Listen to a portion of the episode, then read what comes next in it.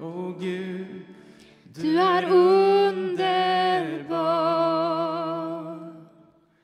ditt ansikte söker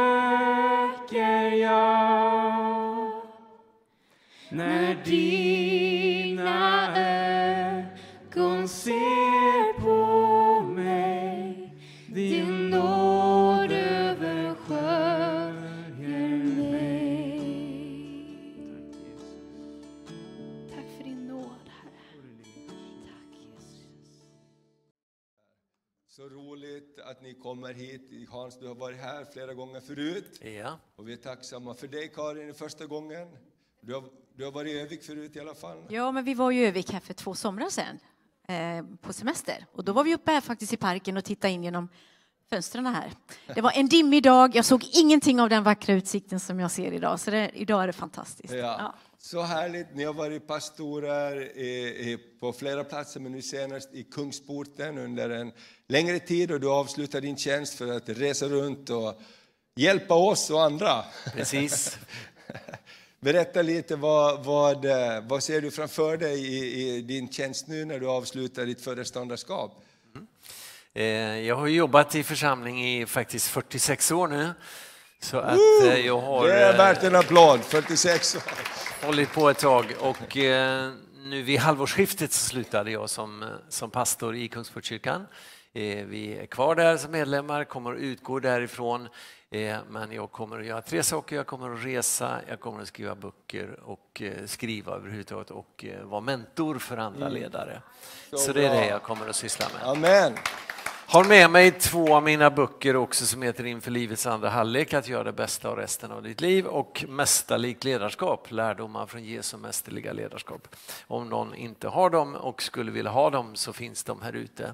Sen kommer jag med en ny bok i höst, i november, om Johannes sköter sig. Eller det hänger nog mer på att jag håller deadline tror jag. Men vi tror att i november kommer en ny bok också. Ja, så fint. Och Karin, du jobbar, har jobbat också med det som är hemtjänst och vi har ju blivit inspirerade av er också med trygghetsboende som vi håller på med. Hur ser det ut? Jo, men det är spännande. Eh, Jag är ju sjuksköterska i botten då och jag har jobbat som företagssköterska under många år, sen vi kom till Huskvarna faktiskt. Men sen byggde vi vårt trygghetsboende och i den vevan så ville också församlingen, eller de som visionerade kring trygghetsboendet, vi skulle ha en kristen hemtjänst i Jönköping, Huskvarna. Eh, Och ni vet, eh, det är ju lilla Jerusalem, alltså Smålands Jerusalem, och det fanns ingen kristen hemtjänst där. Det fanns många aktörer, men inte från någon kyrka. Så det var en utmaning som jag antog. Så under Ja. två år så byggde vi upp Kungsporten hemtjänst som nu håller på att rulla vidare. Jag har lämnat det för jag är ingen förvaltare utan jag är en starter. Wow. Eh, Men det rullar på och det, jag tror vi betjänar ja, men cirka hundra eh, äldre människor i vår stad med Så kristen fint. hemtjänst. Fantastiskt, underbart! Tack för det och ni är jättevälkomna. Vi ser fram emot den här dagen tillsammans både nu och sen klockan 16 också. Så varsågod, dela det Herren har gett på era, Tack. lagt på era hjärtan. Tack. Ska du ha din bibel? Ja, Hans ska predika för er, det ska inte jag göra. Men jag tänkte jag skulle börja bara presentera oss lite mer om vår bakgrund och vad vi, vad vi har gjort tillsammans. Vi har varit gifta i 33 år, Hans och jag. Eh, och vi började som pastorspar. Eh, och eh, det var så här när vi träffades, Hans och jag. Vi kände ju varandra innan och så, men när det, liksom, när det sa klick, vet ni, så, så kände vi nej men det är ju vi. Ja, men det är ju vi. Och Gud var väldigt tydlig med det. Eh, och när vi började dela våra hjärtan tillsammans så eh, förstod vi att det var den lokala församlingen som Gud hade lagt på våra hjärtan. Vi älskar den lokala församlingen. Och vi tror på den lokala församlingen. Så att det har vi levt för och lever för fortfarande. Och vi är så, så tacksamma att vi har fått stå i tre sammanhang. Och kanske framförallt två av de sammanhangen har vi fått vara eh, mer av föreståndare och eh, leda på ett annat sätt. Eh, och det är Falun då, eh, Lugnetkyrkan som den heter idag. Älvsborgskyrkan heter den då. Där var vi från 94 till 2004. Tio år. Sen kom vi till Huskvarna och får stå då i Kungsportskyrkan. Och när vi kom dit så var det en väldigt spännande skede. Jag känner mig lite hemma här i de här lokalerna för vi har liksom inte heller någon sådär klassisk kyrka utan vi har ju flyttat in i en gammal stålpress eh, som församlingen köpte 2000. blåste rent. Den var en skitig lokal, man blåste rent och så var det en pastor där som var fantastisk eh, som kunde se vad det här skulle kunna bli. Eh, och så byggde man en kyrka eh, som eh, ja, var stor. Församlingen kom in där och undrade vad i hela friden, hur ska vi fylla ut alla dessa lokaler? Det var så stort. Och i den vevan fick Hans och jag komma in och jag tror det var så rätt från Herren. Vi är inga kyrkbyggare, men vi är församlingsbyggare. Så då var det dags liksom att, att, fylla det här huset med det som Gud hade tänkt. Och det är inte färdigt. Jag tror bara att det är en begynnelse det vi står i. Men det har varit så, så spännande. Och jag brukar säga till Hans att eh, det, det underbaraste med att vara en församling det är att ha församlingsmedlemmar som brinner. Som älskar Jesus och som älskar människor. Då är det lätt att vara pastorsbar och vara församlingsledning. Eh, som tror på den lokala församlingen. Och eh, varför gör vi det? Ja, men det är för att det är ju, det är ju Guds tanke. Och nu mer än någonsin, hörni, så behöver församlingen resa sig upp. För nu mörknar det. Och det är tufft. Och jag tror att det är så mycket människor som bara känner så mycket hopplöshet och det vet vi.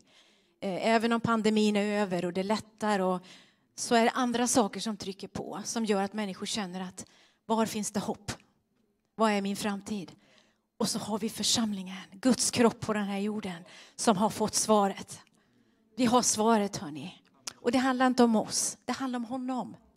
Och det tycker jag är så underbart att veta. Han frågar inte efter dina och mina prestationer, han frågar efter våra hjärtan. Han frågar efter ditt hjärta.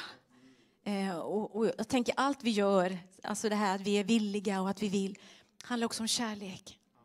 Det är så mycket kärlek. Jag, jag läste första Korinthierbrevet 13 idag på morgonen och jag tänkte, ja, vad vi än gör, hur vi än rör oss, har vi inte kärlek, hörni, då är det förgäves. Då är det förgäves. Det kan vara hur fint som helst. Men vi måste bli drabbade av Guds kärlek till människor. Till människor och till hans församling. Det har varit lite, tycker jag, under årens lopp att vi, vi ser ner lite på det. Vi tappar tron. Vi tänker att det är så ofullkomligt. Och, ja, det är det. Men det är Guds församling. Han älskar sin församling. Och vi ska också göra det. Vi ska också göra det. Så tack för att vi får komma hit den här dagen. Eh, vi får se vad vi kan bidra med, men vi, vi är här med förväntan, för vi vet att vi har en stor Gud. Och vi vet att Gud älskar sin församling. Och han har så mycket framför oss. Amen. Varsågod Hans. Ja, jag ber gärna en bön. ja. Tack älskade Jesus för att du är här. Tack för din närvaro, Herre. Vi älskar när du kommer till oss. Vi är så ljuvligt att få vara inför ditt ansikte. Och jag tackar dig Herre för att församlingen är din, din eh, tanke och det är din idé Herre. Du ville en familj, du ville ett folk. Du ville ett rike på den här jorden som lyser dig Jesus, som ger dig Jesus till världen. Och Herre, jag ber Gud för den här församlingen och den här familjen som möts på den här platsen. Tack att du älskar dem så högt och jag tackar dig för dina tankar och jag tackar dig för dina planer. Och jag prisar dig Fader för att du vill vara tydlig med oss. Tack att du vill staka ut vägen. Och jag ber för varje medlem här. Jag tackar dig Jesus för att du känner var och en.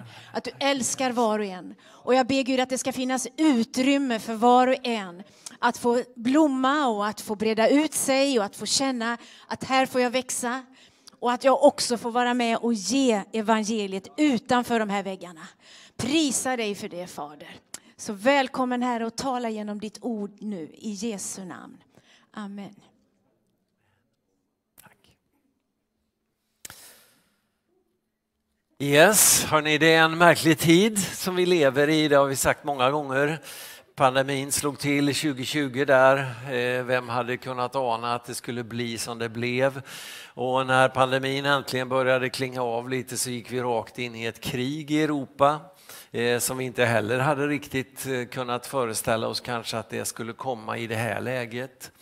Eh, och, ehm, det här har varit en svår tid att leda i. Det här har varit en svår tid att se vägen i. Eh, och, och, eh, vi behöver verkligen be för ledare i den här tiden. Vi behöver be för församlingsledare, men vi behöver också be för politiska ledare. Vi behöver be för företagsledare. Vi behöver be för alla typer av ledare därför att det här är en komplicerad tid. Jag, jag höll på att säga, jag är tacksam att jag inte är föreståndare längre. Eh, därför att det, det, det är tufft. Det är inte enkelt. Men det vi vet är att Gud alltid har en väg. Eh, Gud har alltid en väg. Han gjorde en väg rakt igenom Röda havet. Liksom. Då, då, det, det fanns ingen väg men han gjorde en väg och så kommer han att göra i den här tiden också. Vi ser kanske inte vägen men Gud gör en väg där vi inte ser någon väg. Han har en framkomlig väg också i den här tiden. Va?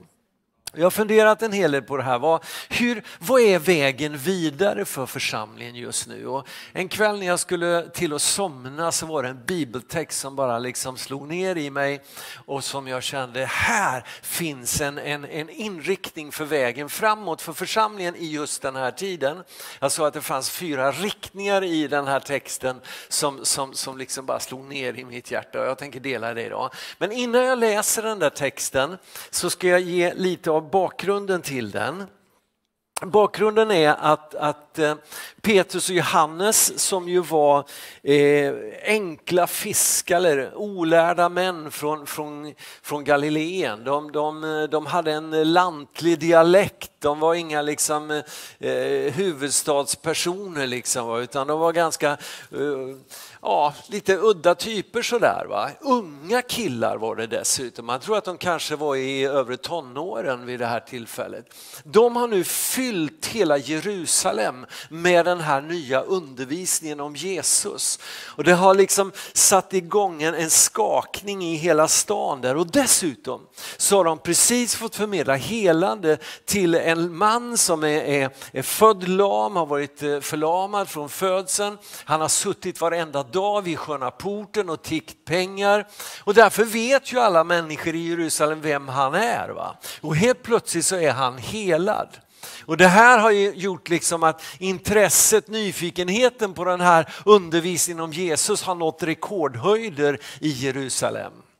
Och, och, och, och, och liksom människor är så nyfikna, så intresserade. Och vi läser i början av det fjärde kapitlet i Apostlagärningarna att, att vid det här tillfället så är det 5000 män som har kommit till tro på Jesus. 5000 män förutom kvinnor och barn som har kommit till, till tro på Jesus. Och det här gör att de judiska ledarna blir, blir lite upprörda, vill försöka få stopp på den här villfarelsen som de ser det som naturligtvis också hotar deras maktposition, ska man vara medveten om. Man griper därför Petrus och Johannes, man sätter dem i fängelse och nästa dag så har de högsta eh, judiska andliga ledarna samlats för att förhöra Petrus och Johannes. Men deras frimodiga svar gör människorna svarslösa. De vet inte vad de ska säga därför att de är så frimodiga. Och då väljer de att eh, förbjuda dem att i fortsättningen tala eller undervisa i Jesu namn. Men de här två unga killarna, liksom, de darrar inte på manschetten. Liksom, utan de säger, bedöm själva om det är rätt inför Gud att lyda er och inte Gud. Vi för vår del kan inte hålla tyst med vad vi har sett och hört. Och då hotar de dem igen därför att de kan helt enkelt inte hitta på något bra sätt att straffa dem med. Därför att de vet att folket är så, så för dem. Va? De är så intresserade av det här som de undervisar. Så att de vågar inte gå för långt heller. Utan de, de, de, de en gång till bara så, så förbjuder de dem att tala eller undervisa i namnet Jesus. Det är bakgrunden till den här texten. Och tänk dig in i situationen lite grann nu. Några enkla outbildade unga fiskare har ställts inför Stora rådet. Vad var Stora rådet för någonting? Jo, det var de som hade den andliga makten i samhället, det var de som hade den politiska makten i samhället och det var de som hade den juridiska makten i samhället. All makt var samlad till en grupp här. Både den, den eh, religiösa andliga makten, den politiska makten och den juridiska makten. Det var tunga gubbar det här. Det var liksom inte vem som helst, det var de som satt på, på egentligen hela makten där. Och här står de här två enkla outbildade eh, killarna, liksom, unga killarna. De säger ni får inte predika vidare i namnet Jesus. Tänk dig in i situationen själv. Hur skulle du ha reagerat i den situationen? Jag tror att vi har så mycket att lära av de här två lärjungarna just nu. Vi har också fått smaka någonting av fängelse. Ja, inte så att vi har blivit kastade i fängelse. Men vad är ett fängelse? Jo, ett fängelse det är en restriktion, det är en begränsning av rörelsefriheten, eller hur? Känner du igen det? Har du varit begränsad i din rörelsefrihet? Ja, det har vi varit under pandemin. Va? Jag säger inte att det var fel att göra det, inte det jag säger. Jag säger bara det finns en likhet här. Va? Våran rörelsefrihet, vi kunde inte göra det vi ville, vi kunde inte gå vart vi ville, vi kunde inte samlas som, som vi hade velat och så vidare. Va? Det har varit en begränsning som vi har, vi har satts under. Och vi också lever i ett samhälle där liksom kravet på tystnad faktiskt läggs på församlingen. Ja, det är okej okay att du är kristen i, det, i den privata sfären. Va? Du kan vara kristen i, i, i ditt eget personliga liv. Du kan vara kristen och gå till kyrkan också. Du kan, kan liksom få tala om tron i kyrkan. Men för all värld, dra inte in tron i det offentliga rummet. Känner du igen det? va? Vi är precis i den situationen och då är frågan hur ska, vi, hur ska vi agera, hur ska vi reagera på de här tendenserna och det här maktskramlet? Och hur ska vi agera när nu samhället har öppnats upp igen, precis som de upplevde. De fick gå ut därifrån, ifrån fängslandet och, och, och det här. Va? Hur gör vi då? Ja, vi ska göra som de gjorde. Så låt oss läsa vad det var de gjorde i Apostlagärningarna 4 från vers 23 till 31. När de, alltså Petrus och Johannes, hade blivit frisläppta gick de till sina egna och berättade allt vad översteprästen och de äldste hade sagt till dem. När de hörde det ropade de tillsammans till Gud och bad Herre, du som har gjort himmel och jord och hav och allt som finns i dem. Du har genom din heliga ande talat genom vår fader David, din tjänare. Varför rasar hedna folken? Varför tänker folken tomma tankar? Jordens kungar reser sig och furstarna gaddar ihop sig mot Herren och hans mode. Ja, de gaddade verkligen ihop sig i denna stad mot din helige tjänare Jesus som du har smort. Herodes och Pontius Pilatus gick samman med hedningarna och Israels stammar för att utföra det som du med din hand och ditt beslut hade förutbestämt. Och nu Herre, se hur de hotar oss. Hjälp dina tjänare att frimodigt förkunna ditt ord genom att du räcker ut din hand och låter helande, tecken och under ske genom din helige tjänare i Jesu namn. När de hade bett skakades platsen där de var samlade och de uppfylldes alla av den heliga ande och förkunnade Guds ord med frimodighet. Fyra riktningar kan vi se i den här texten. Första riktningen är, låt oss söka oss inåt till den kristna gemenskapen. Låt oss söka oss inåt till den kristna gemenskapen. Den första rörelseriktningen bestod i att de gick till sina egna, de sökte upp sina egna, eller hur? När de hade varit fängslade, när de hade blivit hotade, vad gör de då? Jo, de går till sina egna, de söker sig till den kristna gemenskapen. Och det är precis det vi behöver göra som församlingar nu efter den här pandemin som jag tror har slagit mer emot församlingen än vad vi kanske riktigt inser. Va? Det är lite olika i olika sammanhang, jag vet inte riktigt hur ni har upplevt det, men, men, men många församlingar upplever ändå att det har varit svårare att samla folket efter pandemin. Någonstans tappade vi en god vana. Du vet Jesus gick till, till synagogan som hans sed var, som han brukade, som hans vana var. Och, och Vi behöver ha den där seden också, den där vanan att gå till församlingen, gå till gudstjänsten. Jag brukar säga det, ett av ditt livs viktigaste beslut kommer att vara beslutet att bli en regelbunden gudstjänstbesökare. Det är ett av ditt livs absolut viktigaste beslut. Och med regelbunden gudstjänstbesökare menar jag då inte en som regelbundet går till kyrkan varje första advent. och kanske möjligtvis på påsk. Utan jag menar en som regelbundet går till kyrkan. Det ska vara något speciellt om du och jag inte är i kyrkan på söndag. Ja, det finns anledningar. Man kan bli sjuk och man kan vara bortrest och sådär, eller man kan jobba och så. Va? Men, men det ska vara något speciellt om vi inte ska gå dit.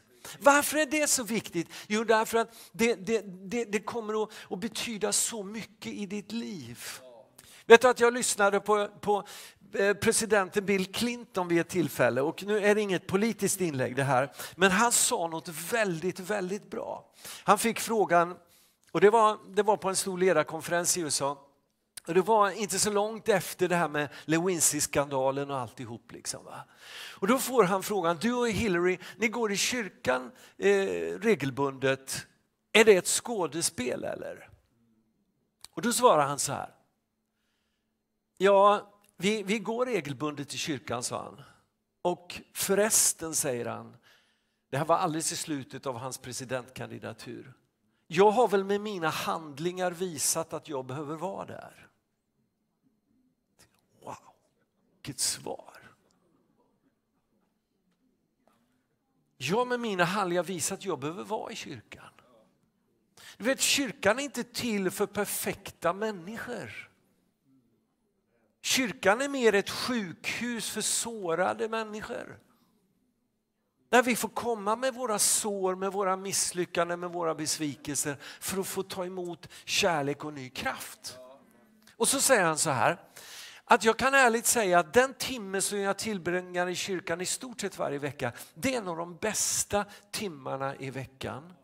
Därför att den hjälper mig att se på livet från ett annat håll. Jag tänkte, så bra! Ingen åsikt om hans eh, politik och sätt att vara president, det är inte det jag lägger in. Men det var så bra svar. Va? Alltså du och jag lever i ett samhälle där vi, vi är överösta med den här världens sätt att tänka, att vara, att fundera. Va? Då behöver vi åtminstone en gång i veckan gå till kyrkan och få se på livet utifrån Guds perspektiv. Va?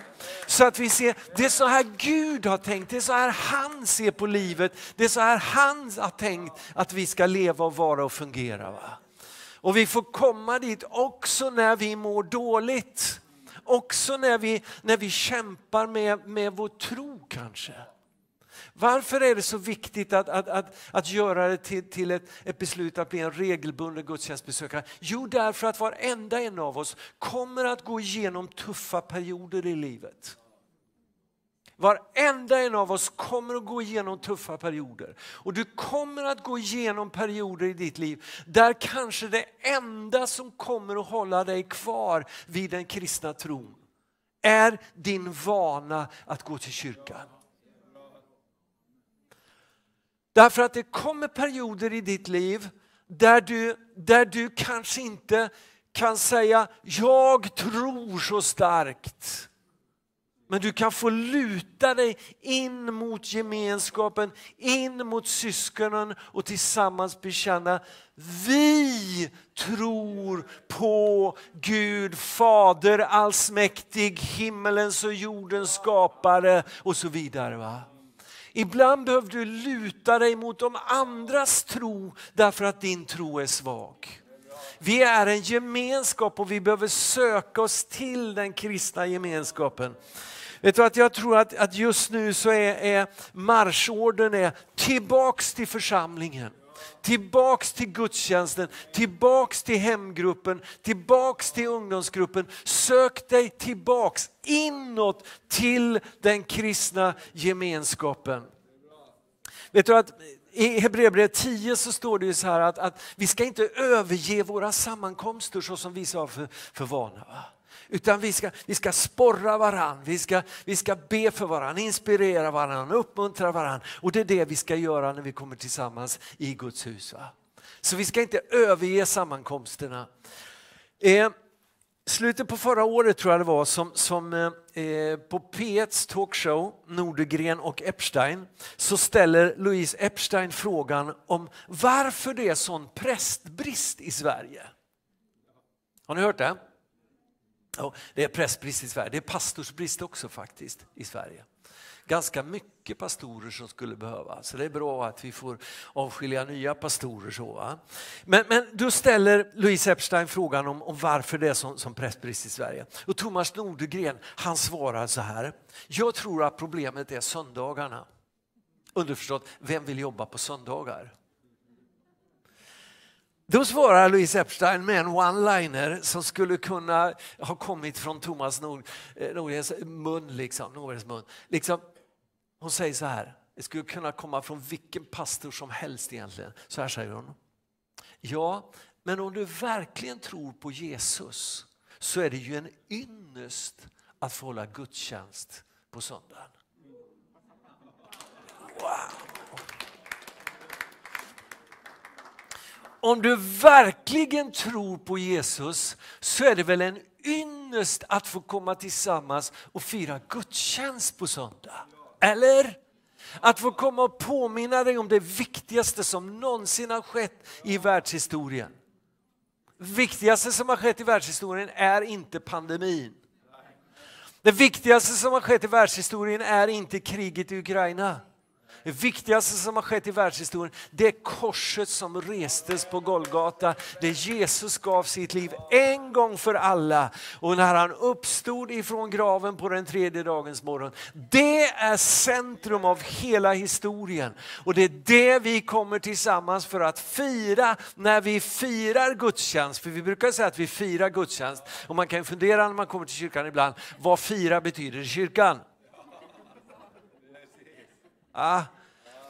Vi kommer för att fira gudstjänst, för att minnas det Jesus gjorde en gång för alla. Och vi behöver söka oss tillbaks till församlingen i den här tiden. Inåt till den kristna gemenskapen. Men nästa riktning, det låt oss tillsammans vända oss uppåt mot Gud.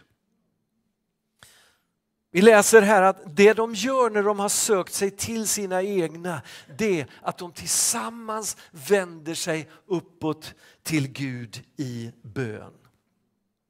Du vet, det är mycket som vi kan ge till varann som syskon. Vi kan uppmuntra varann, vi kan be för varann, vi kan välsigna varann, vi kan, vi kan stötta varandra. Men det finns saker som bara Gud kan göra.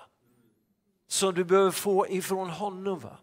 Ytterst är det Gud som kan ge oss det som vi behöver. Och därför var det så rätt att den här kristna gemenskapen vänder sig uppåt till Gud och ropar till honom och ber.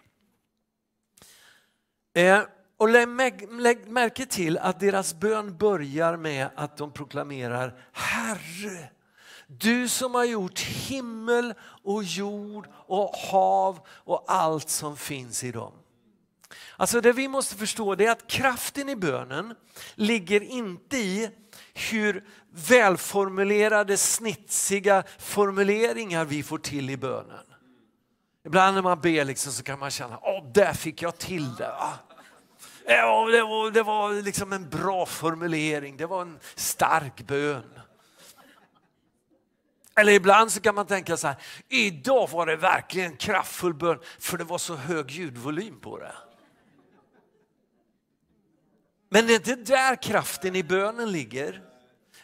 Alltså det är inget fel på välformulerade böner och det är inget fel på högljudda böner heller. Men kraften i bönen den ligger i att du inser vem du ber till. Det handlar om honom, det handlar om att du inser jag vänder mig till honom som har gjort himmel och jord och hav och allt som finns i dem. Det är honom vi ber till. Han som sa en gång, var det ljus? Och det blev ljus, det skedde en explosion och allting skapades ur ingenting. Och fortfarande, har tänkt på det, fortfarande skapar de orden. Ytter, alltså, universum expanderar hela tiden. De orden skapar hela tiden nya galaxer, nya, nya utrymmen. Va? Det är makalöst. Liksom, va? Det är därför som vi, vi också så frimodigt ska tala Guds ord. Därför att det kan skapa, det kan fortsätta skapa långt, långt efter de orden är uttalade. Du vet att du har hört ibland kanske profetiskt tilltal eller du hörde en predikan som fortfarande påverkar ditt liv. Någon sa någonting, någon profeterade någonting över dig för tio år sedan och fortfarande så verkar de orden i ditt liv. Kraften i bönen den, den består i att vi vet vem vi ber till. Och om vi vet att, att det är han som har skapat himmel och jord och hav och allt som finns i dem så borde det förlösa lite böneinitiativ och lite tro i våra hjärtan, eller hur? Det var en liten stad i Texas där en barägare ansökte om tillstånd att få bygga ut sitt ställe. Medlemmar i den lokala baptistkyrkan var starka motståndare till förslaget och drog igång en intensiv kampanj med demonstrationer, pressmeddelanden, inlagor och till och med bönemöten där de bad mot att den här barägaren skulle få bygga ut sitt ställe. Men det blev så att barägaren fick sitt byggnadslov och projektet inleddes. Det var en bitter besvikelse för baptisterna ända fram till veckan innan invigningen. När blixten slog ner och hela stället brann ner till grunden. Plötsligt var baptisterna på fötterna och jublade. Liksom, va? De hade fått bönesvar, de var jublande glada. Då valde den rasande barägaren att stämma församlingen med motiveringen att den var ytterst ansvarig för att han förlorat sin försörjning, antingen direkt eller indirekt, genom sina resurser och sitt handlande. Genast blev det annat ljud i skällan i baptistkyrkan. Alla som några dagar tidigare hade basunerat ut det här bönesvaret, de hade plötsligt ingenting med det här att göra. Det var inte vårt fel att det där hände. Fallet togs så småningom upp av rätten där en domare gick igenom anklagelserna. Till slut suckade han bara tungt och sa så här, jag vet inte vilket utslag jag ska fälla. Det verkar som att vi har en publikan som passionerat tror på bönens kraft. Och så har vi en hel församling som tycks ha förlorat all tro på bönens kraft.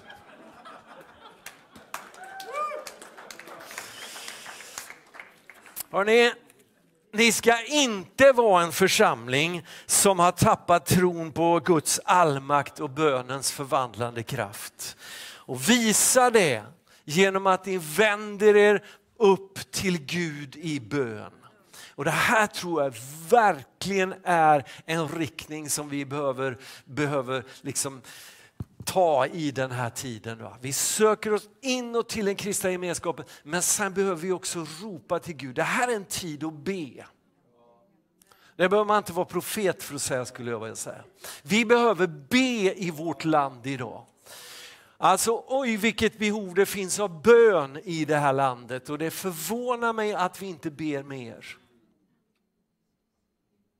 Vi skulle behöva be mycket mer i vårt land just nu.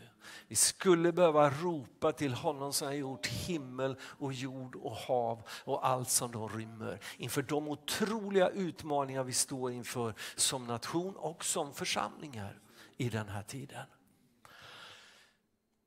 Och den guden svarar på bön. Han är stor, han är mäktig, han förmår. Och det är honom vi ska be till. Och vi ska be, jag brukar säga så här, ett problem är att vi ber för lite. Men det finns ett större problem och det är att vi ber för små böner. Vi ber för små böner. Vi ber sådana där böner som vi kan svara på själva nästan. Va? Vad ska vi be för böner? Vi ska be stora böner, vi ska be järva böner, vi ska be frimodiga böner. Varför då? Jo, därför att stora frimodiga böner ärar Gud. Därför att de visar, vi tror att han är stor. Ber vi små plutteböner så säger vi att ah, Gud kan inte göra så mycket så vi får be små böner. Va? Be stora böner, de ärar Gud och Gud ärar stora böner. Det är så också. va? Gud ärar stora böner. Gud ärar frimodiga böner. Så låt oss be frimodiga böner. Tredje riktningen som vi ser i den här texten, det är att låta oss alla uppfyllas av den heliga Ande som Gud vill låta falla neråt som ett regn ifrån himlen. Vi läser i vers 31 där att när de hade bett skakades platsen och var samlade och de uppfylldes alla av den helige Ande. När den kristna församlingen förenades och tillsammans ropade till Gud i en utsatt situation, då svarar Gud med ett våldsamt nedslag av den heliga Ande. Och det var så kraftfullt så att marken skakade. Har ni bett sådana böner här i Örnsköldsvik? Brukar det vara så, när ni ber klart så, så oj, nu är det antingen är det jordbävning eller också är det Gud som, som rör sig. Liksom, va? Där marken skakar. Jag vet, ibland blir man förvånad när, när vi ber och, och, och, Guds kraft börjar verka lite grann så blir människor alldeles nervösa. Men vad händer nu? Liksom?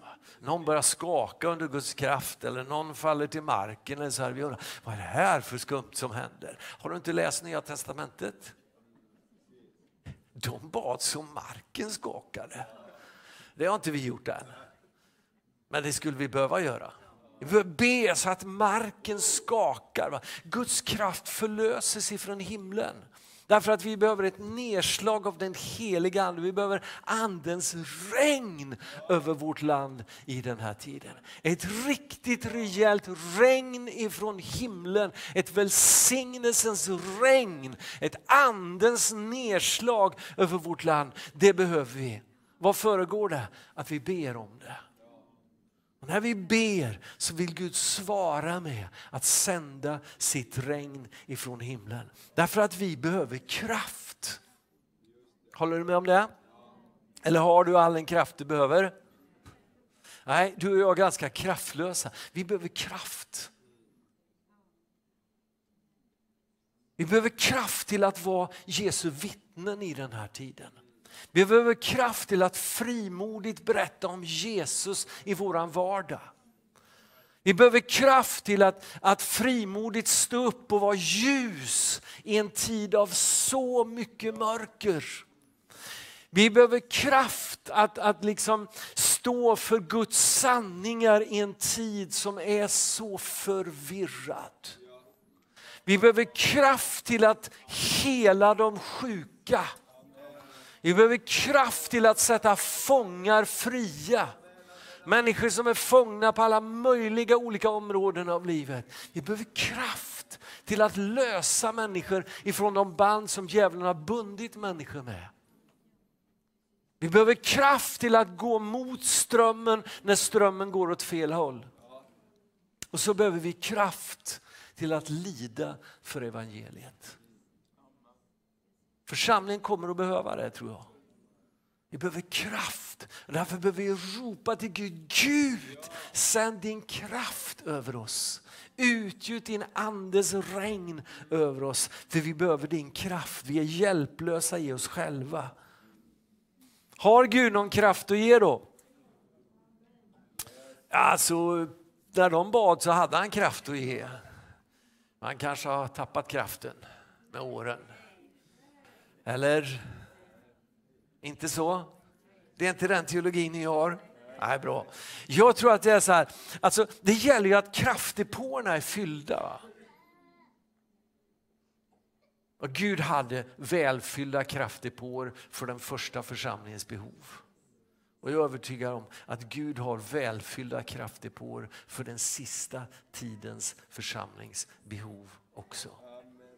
Frågan är bara hur desperata vi är efter att få tag i det. Det är utmaningen.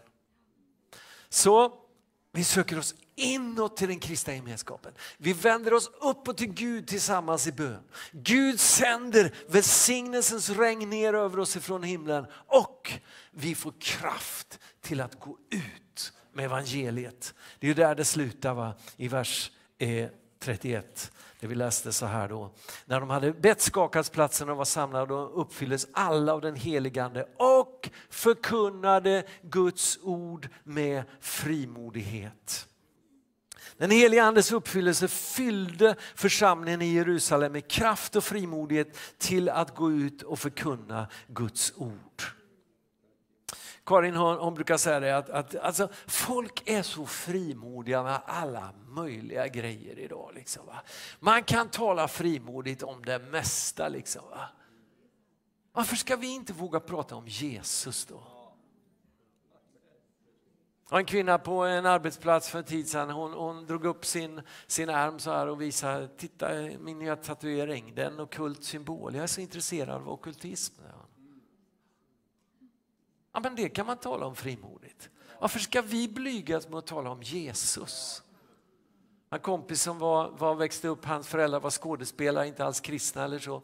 Han var anarkist och så, så, så blir han kristen, Jonas, och, och eh, väldigt brinnande, frimodig kristen. Så här, va? Och han vittnar för sina föräldrar. Och när han ska fylla 30 så, så, så säger hans mamma som jobbar på Norrköpings stadsteater, hon, hon säger att, att, eh, till jobbarkompisarna att ikväll ska jag på sonens 30-årskalas. Och nästa dag så är det någon som frågar, hur var det på sonens 30-årskalas igår då? Och varpå hon svarar, jo det var underbart. Vi bad och vi prisade Jesus. Du kan gissa hur de såg ut på Norrköpings stadsteater. Liksom, va?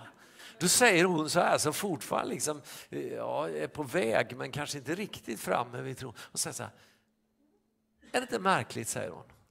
På det här stället kan vi prata om ufos och gröna gubbar, alla möjliga grejer. Alla tycker det är intressant. Så fort man nämner namnet Jesus så ser ni alldeles konstiga ut i ansiktet. Är inte det lite konstigt, säger hon då. Ja, på några så... Jo, men det är det ju faktiskt. Det är märkligt. Tänk om vi skulle våga vara lite mer frimodiga med vår tro. Jag var med om en kul grej nu under, mitt under pandemin. Eh, jag, jag var och klippte mig en dag och eh, jag, jag går hos eh, två eh, män i, i, i, eh, i Jönköping som har en frisersalong. De är ortodoxa kristna. Och eh, de, de, är väldigt, väldigt frimodiga och berättar om sin tro och, och Jesus och så här. Va? Och samtidigt så har de ett lite annat språkbruk än mig. Det är blandat med ganska mycket eh, kraftuttryck och sådär. Fast det har blivit bättre på sista tiden. Eh, en god vän till mig som, som heter Henrik, han var och klippte sig för ett tag sedan och han sa han, han, han svor bara en gång, sa han. Och det var när han stod och klippte mig och så, och så, så, så, så, plötsligt kom han in på det här att Jesus kommer snart. Va? Och då kände han nu behöver jag nog trycka på lite så han tittade. Henrik min broder, du är väl redo? Han kommer snart för... Och så kom det en svordom. Så det är ett lite annat språkbruk än vad, vad jag brukar ha. Eh, och, och, när jag var där då eh, så, så, så eh, håller en tjej på och klipper mig då, eller hon håller på att tvätta håret då och han står precis bredvid och tvättar håret på en annan gubbe. Och, och eh, då hör jag hur han viskar till, till hon som klippte mig då att vet du om att han är pastor? Numera kallar hon mig fader. Jag kommer dit. Så, så, så, och det visste hon, det hade vi pratat om. Och så eh, satte vi och så, eh, han, hon klippte mig och han klippte den som var bredvid mig och han, han pratade mest med mig och var, var väldigt upprörd över att, att, vi fick samla så få i kyrkan för det var under, under restriktionerna då. Eh, och det var ju lite märkligt, alltså vi fick samla mer människor på vårt gym som är mycket, mycket mindre yta än vad vi fick möta folk i, i kyrkan. Så det kan man ju reagera på. Men, men hur som helst så, så, så stod vi och pratade där, eller han stod och pratade och, och, och, och så mitt i alltihop så säger han, du måste be för mig, så här. Så jag tänker, det är klart jag ska be, jag är pastor så det är klart jag ska be för dig när jag kommer hem. Så jag, jag, hon klipper klar mig och jag går och betalar för klippningen och så precis när jag ska gå så ropar han efter mig, du skulle ju be för mig. Så jag tänker okej, okay, vi gör väl lite diskret, vi går in i personalrummet och, och, och ber för honom. Det tänkte inte han. Han ställer sig mitt i sin frisersalong omgiven av fyra, fem frisörer med dem som de höll på och klippte. Och så tittar han på mig och säger Be för mig, jag behöver det. Det var liksom inte, det var en befallning. Så det var bara att köra liksom. Så jag, jag la händerna på honom. Jag hade haft eh, covid ändå, så jag, jag kunde frimodigt lägga händerna på honom och bad en bön om välsignelse över honom och familjen och, och, och arbetsplatsen och alltihop. Och så, så, så, eh, sa jag amen och så gick jag. Och på vägen ut till bilen så, så började jag skratta för mig själv och tänkte det här såg inte jag komma när jag åkte hit i morse. Men det som, som hände liksom, va? Det var att jag kände att hans frimodighet blåste in en ny frimodighet i mitt liv. För är det någonting som våra nysvenska vänner inte har lärt sig så är det det här att tron hör hemma i det privata. De kanske inte alltid har det bästa språkbruket. Men de är väldigt, ja det gäller inte alla nysvenskar, det är inte det jag säger, men, men en del av dem kan ha ett, ett man har en, en tro, en, en, Eh, som i det här fallet om man har ortodox tro, va? Men, men språkbruket kan vara lite sådär. Va? Men, men de har en frimodighet. Och för dem så är det inget snack om att tron hör hemma i det offentliga rummet. Oj vad de pratar frimodigt. Det är nästan så jag, jag liksom eh, blir lite svettig ibland när jag är där och, och klipper mig. Va? För de, de, är så frimodiga i att tala om tron och vad de, ja just det, vad de tycker. Eh, men vi behöver den där frimodigheten. Va? Sist jag var där och klippte mig förresten, då, då, då, då står han och klipper en, en gubbe bredvid mig igen. Då. Och så när jag, när jag reser mig upp och är klar så, så säger han, du, du, du bad ju för mig en gång när du var här. Det var så underbart, sa han. Kan du inte be för honom också här? Han ska gifta sig imorgon, sa han. Och jag, jag, jag är egentligen ledig idag, men jag har kommit in extra för att, för att hjälpa honom då inför, inför bröllopet. Kan du inte be för honom? Så jag kollar lite på honom. Och jag förstod att det var okej, okay, så jag la händerna på honom och bad om välsignelse över honom och hans äktenskap och hans, eh, hans bröllop och alltihop. Och när jag är klar så säger han frisören så här, kolla här jag har gåshud!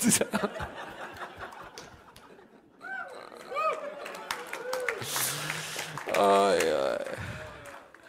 Och jag kände, det här är fräscht är mycket roligare att be för människor på frisersalongen än i kyrkan. Till och med. Ja, det är kul att be i kyrkan också. Men, men, men det känns så Nya testamentet över det här. Liksom. Tron kommer ut ur kyrkbyggnaden. Och Det finns en risk att vi, vi, vi stänger in den i kyrkan. Va? Och så är vi väldigt frimodiga när vi är här. Va? Men när vi kommer utanför kyrkans väggar så tappar vi helt plötsligt all frimodigheten. Då behöver vi lite människor som har mer frimodighet än vad vi har. Som jag upplevde att han hade, den där frisören. Va? Som blåser in lite ny frimodighet i ditt och mitt hjärta så att vi vågar göra det där som vi egentligen inser att vi är kallade till. Att frimodigt dela evangeliet med människor. Att be för människor frimodigt. Inte bara i kyrkan utan mitt där människor befinner sig. Hörrni, det här tror jag är riktningen framåt för församlingen i den här tiden. Det är att söka oss, försöka oss inåt igen till den kristna gemenskapen. Och tillsammans börja ropa till Gud som vi aldrig har ropat till Gud. Och be om att han sänder ett välsignelsens regn över oss. Hans andes regn får komma över sin församling. Va? Så att vi får kraft till att gå ut med evangeliet i den här tiden. Kommer ni ihåg det här nu? Har ni gjort morgongymnastik idag? Nej, reser upp. Nu ska ni få det här så ni inte bara har det i minnet här uppe utan i muskelminnet ska det här in också. Va? Så vad är det för riktning som församlingen behöver röra sig i den här tiden? Jo, inåt till gemenskapen. Vi vänder oss uppåt till Gud som sänder sin andes regn ner ifrån himlen över oss så att vi får frimodighet att gå ut med evangeliet. Va? Inåt, uppåt, neråt, utåt. Inåt, uppåt, neråt, utåt. Inåt, uppåt, neråt, utåt. Så kan ni köra lite fortare också. Inåt, uppåt, neråt, utåt. Inåt, uppåt, neråt, utåt.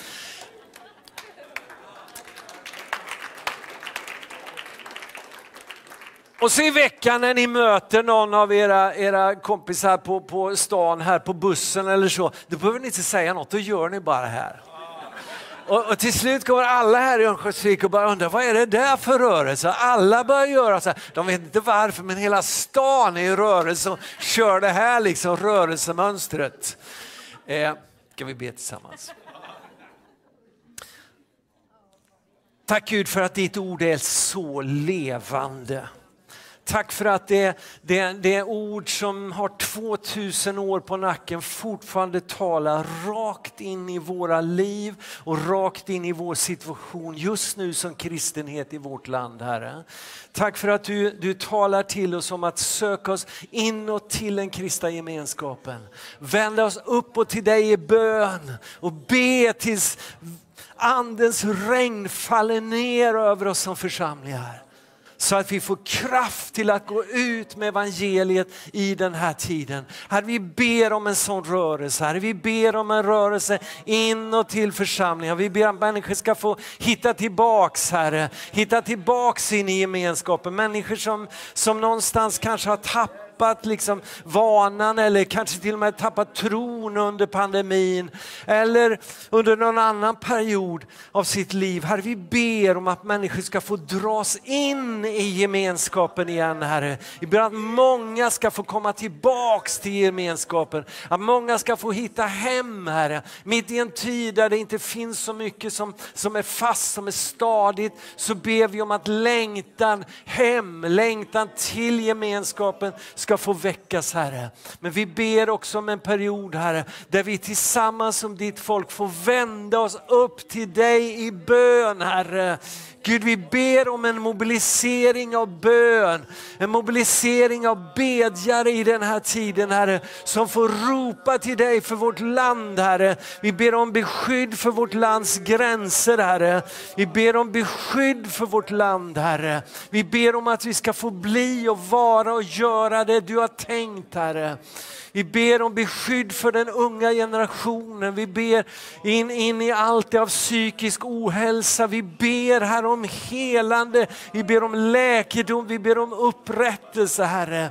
Vi ber in i, i oro, gatan, när det gäller, när det gäller liksom ekonomi och det som, som rör sig i tiden just nu. Energi, försörjning. Herre, vi, vi ber här om att du ska komma och verka Herre i vårt land Herre. Välsigna vårt land Herre. Ge vishet till människor som, som står i beslutsfattande positioner Herre. Vi ber om det verkligen Herre. Vi ropar till dig och så ber vi Herre om att du skulle förlösa ett nytt andens regn regn över vårt land Herre. Kom ett regn ifrån himlen. Låt en helig ande få förlösas över vårt land. Kom helige ande, låt ett regn falla ifrån himlen. Fyll ditt folk Herre, fyll oss Herre. Hela oss ifrån det som vi behöver helas ifrån. Sätt oss fria ifrån det vi behöver sättas fria från. Och fyll oss med din kraft. Fyll oss med din kraft helige Ande. Vi ber om kraft till att vittna vi ber om kraft att frimodigt dela tron mitt i våran vardag. Vi ber om en tro som ska, ska ut ur, ur det, det, det, privata, ut ur kyrkan och ut i det offentliga rummet, Herre. Låt det få, få vara en rörelse rakt ut i samhället, Herre. Där, där vi inte låter oss tystas, där vi inte stänger inne tron utan vi ger den vidare frimodigt Herre. Och vi behöver så mycket kraft, så kom helige Ande. Kom helige Ande. Be om att du förlöser en ny frimodighet. Precis som, som den där frisörens frimodighet blåste in ny frimodighet i mitt liv. Så ber jag Herre om att du heliga Ande skulle andas på oss. Andas på oss. Andas in en ny frimodighet. En ny frimodighet. En ny järvhet. En ny frimodighet och vitt öppna. men också en ny frimodighet att be stora böner. Frimodiga böner. Herre, vi ber om det. Vi ber om det, Herre. Vi välsignar den här församlingen, Herre. Vi ber, ske din vilja, tillkommer ditt rike i församlingen och genom församlingen. Vi ber för varenda församling i den här stan, Herre. Välsigna varenda församling i den här stan, Herre. Vi ber för den här bygden, vi ber för, för hela det här området, Örnsköldsvik och trakten runt omkring. Herre, vi ber tillkommer ditt rike, ske din vilja, så som i himlen, så också i Örnsköldsvik, Herre. I Jesu namn, Herre. Förnya dina väldiga gärningar i den här tiden, Herre. Kom och gör det på nytt, på, på nya sätt, men med samma kraft som vi har sett det tidigare i historien, Herre. Låt det ske, Herre. Förlös din kraft, Herre. Vi ber om dig, Jesus, i Jesu namn. I Jesu namn. Och allt folket sa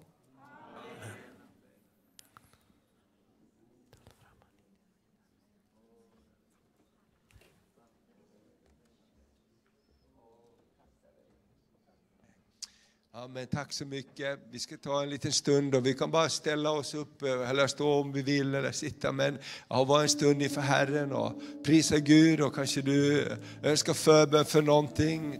Så har vi aldrig så brått att vi inte ber för och med varandra. Du kanske kommer hit och bär på någonting och önskar att någon lägger händerna på dig och ber tillsammans med dig.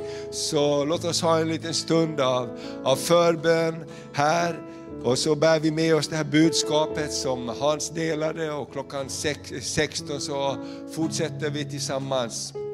Men låt oss bara prisa Herren för Guds ansikte och det här att vänta på Herren också. Jag tror att det är så, så viktigt att vi ger tid att vänta på Gud. Vänta på Gud och ge våra hjärtan. Amen.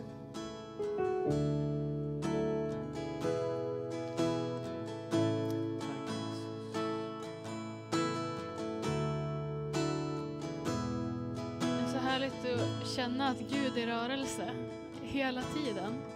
Att, eh, jag bara tänkte på det nu, att just att vi är en del av historien.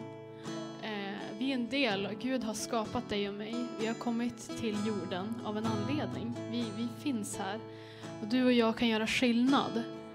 Eh, och eh, med våra böner, med våra handlingar, med våra liv kan vi representera våran kung. Och han är häftig alltså. Det, det är han vi vill att alla ska få tag på. Eh, så den här frimodigheten, den ska verkligen bara få komma över oss. Och något som jag längtar efter, jag tror ni också längtar efter, det är helande. Vi vill se att människor får bli berörda och bli hela. Få möta Gud. Få få upprättelse, att det vittnesbördet får beröra familjer, släktingar och bara frälsning får komma. Som det var på Jesu tid också. Den här sången handlar om att när vi tillber och när vi ärar Gud, eh, vänder oss uppåt, så kan vi också få kraft, tro till att se helande och mirakler ske. Så eh, vi ska sträcka oss efter det. Vi ska sträcka oss efter att få komma inåt här. Vi är här nu. Bara rikta våra hjärtan uppåt, ta emot kraft. Så ska vi tro Gud om att vi ska få se så mycket mer genom våra händer, genom våra liv i den här staden. För du och jag finns här av en anledning. Glöm inte det. Du finns här, du andas nu. Vi vet inte vad som händer om två sekunder. Men just nu lever du och just nu lever jag och vi kan göra någonting med våra liv och vi ger det till Gud. Tack Jesus. Så välkommen fram under den här sången om du älskar förbön. Det finns förebedjare här och Hans och Karin är med också. Så låt oss ta vara på tillfället. As we worship, as we worship in your presence, there is healing. Holy Spirit's gentle touch is flowing, Jesus. We believe, Jesus. There is healing